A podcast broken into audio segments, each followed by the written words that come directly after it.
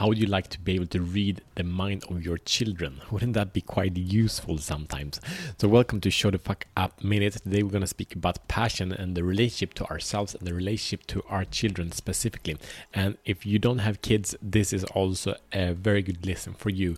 And so, my name is Matt Fyron, and Show the Fuck Up Minute is a show that is for men that are committed to stop playing small and unleash their personal greatness. So, we do this with daily challenges. We grow in the four areas that create a meaningful life in purpose, passion, power, and profit. Oh, yeah, those are so good. Like, work with those areas, guys. So, what is the problem? And so everyone has a point of view. Like you have a point of view, and that's just a point of view. And there are millions and millions and billions of other points of view. And we always think we're right, and we don't understand how the fuck someone can be that stupid. And to be fair, it happens also to definitely towards teenagers. I don't have teenage kids yet. for sure looking forward uh, in excitement to when my girls are teenagers. It's gonna be fun. Uh, and and and with small kids also are, are triggering us uh, because we don't understand where they're coming from. Like i'm in a hurry. I'm doing this. This is important whatever. So it's often urgency and and how we prioritize things that we kind of create these clashes. And so we're living in a world of, of clashes happening more often than they need to instead of us teaming up budding up becoming partners. So so i will in, in, a moment share just a very very powerful strategy that you can use to become teammates. So and and then also as men we know that we like women are more intuitive they understand what's going on in others and we don't really do that. So this will give you real superpowers. Um so what, what so we have this like different kind of perspectives. We're coming from ourselves and from ourselves we tap into a, good understanding as like caring parents caring men we're like trying to like what is the thing what's going on there trying to figure it out. But sometimes might might just feel impossible and it leads to too much conflict too much overwhelm too much stress that doesn't benefit anyone. So what is the solution? Yeah it is to see the world from where they're coming from. So become them become their minds. I'm going to share with you a really practical tool how to do that so we have, um, well, in the external, we have the behaviors, the actions, the things the kids say, the, say, the things the kids do, right? But behind the behaviors, we have, you know, I guess the same with women, right? We have to see the behaviors, but what the fuck is going on, right? So we we we behind the behavior there are wants, and the wants are not clear, but they might be like, okay, I want candy or whatever, right? That's the want. And then behind the wants is need. So what need does the want satisfy? So I want candy. The need is for hunger. The need is for for certainty. The need is for connection. It can be different things. Like, but the expression of want is always the same. Can be the same anyway for many different needs. And this need, like to to um, eat to feel safe, is uh, uh, creating a reference to the image of self. Who are your children identify as? Of course, you can't ask them this, but you can see, you can read it. So I will give you a challenge in a moment that will help you to get clarity, real clarity about this. So they have a self-image, meaning okay, they need certainty, they need need comfort, right? And food is a way to get that. So that that's like the blueprint they have. Like here is the problem, here is the solution. I combine these two, and I feel better, right? And and that comes also into the image of the world, and that's like how we train them and, and the input they get from from school or whatever they're doing right now.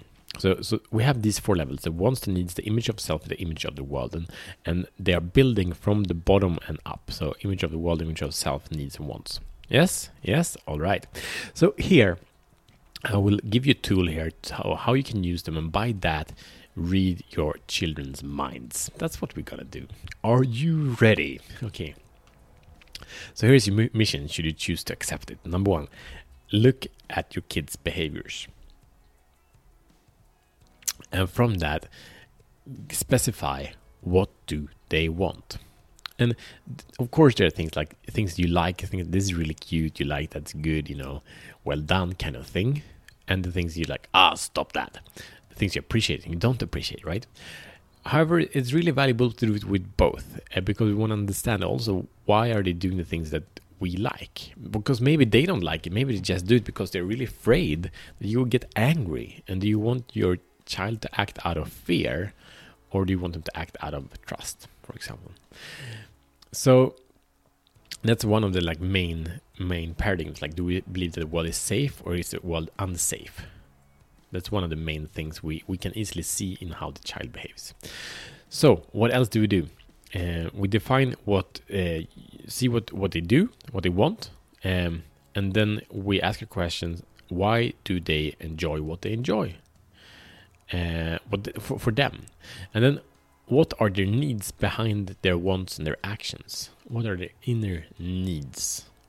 And we don't have many needs. Like I like the Tony Robbins uh, needs, and they are uh, certainty, uncertainty, significance, connection. Those are the four human needs that everyone satisfied in one way or another. It can be constructive, it can be destructive, and then we have the the needs of the soul being uh, growth and contribution.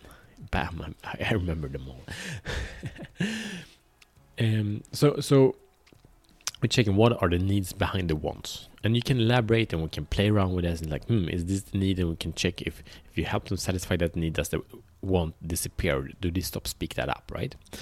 And the next step is to answer the question what does this uh, action what does this want what does this activity what does this ask and this need say about their world? So how do they see their world? Is it a, a, generous world? Is it a threatening world? Is it a loving world?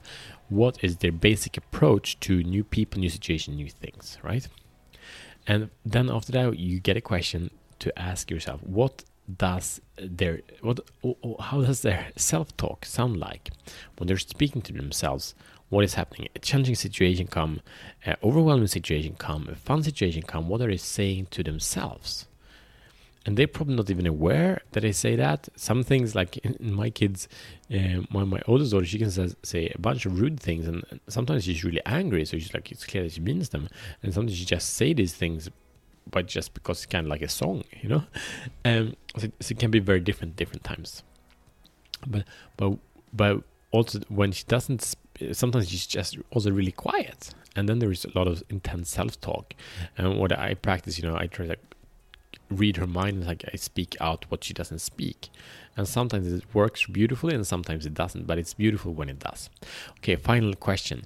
How can you support your children um, in their story to allow them and to invite them for more self-love and confidence? All right so that is it. The invitation I have for you, you do this mission, uh, please share it, uh, please invite, your partner. And again, if you don't have kids, then you can do this with any person around you to understand them or, or yourself better even. You can ask these questions about yourself, also super powerful. The invitation for you is to uh, check out to get the Show the Fuck Up Life Master Planner to stop being a victim of your day and start creating your day and start winning every day. This with this planner it takes 15 minutes and you save 2 to 3 hours per day while living more fulfilled uh, lives. So it's awesome. So it's in the show notes and and check it out. It's powerful, it's transformative. And uh, guys, see you tomorrow as a better men.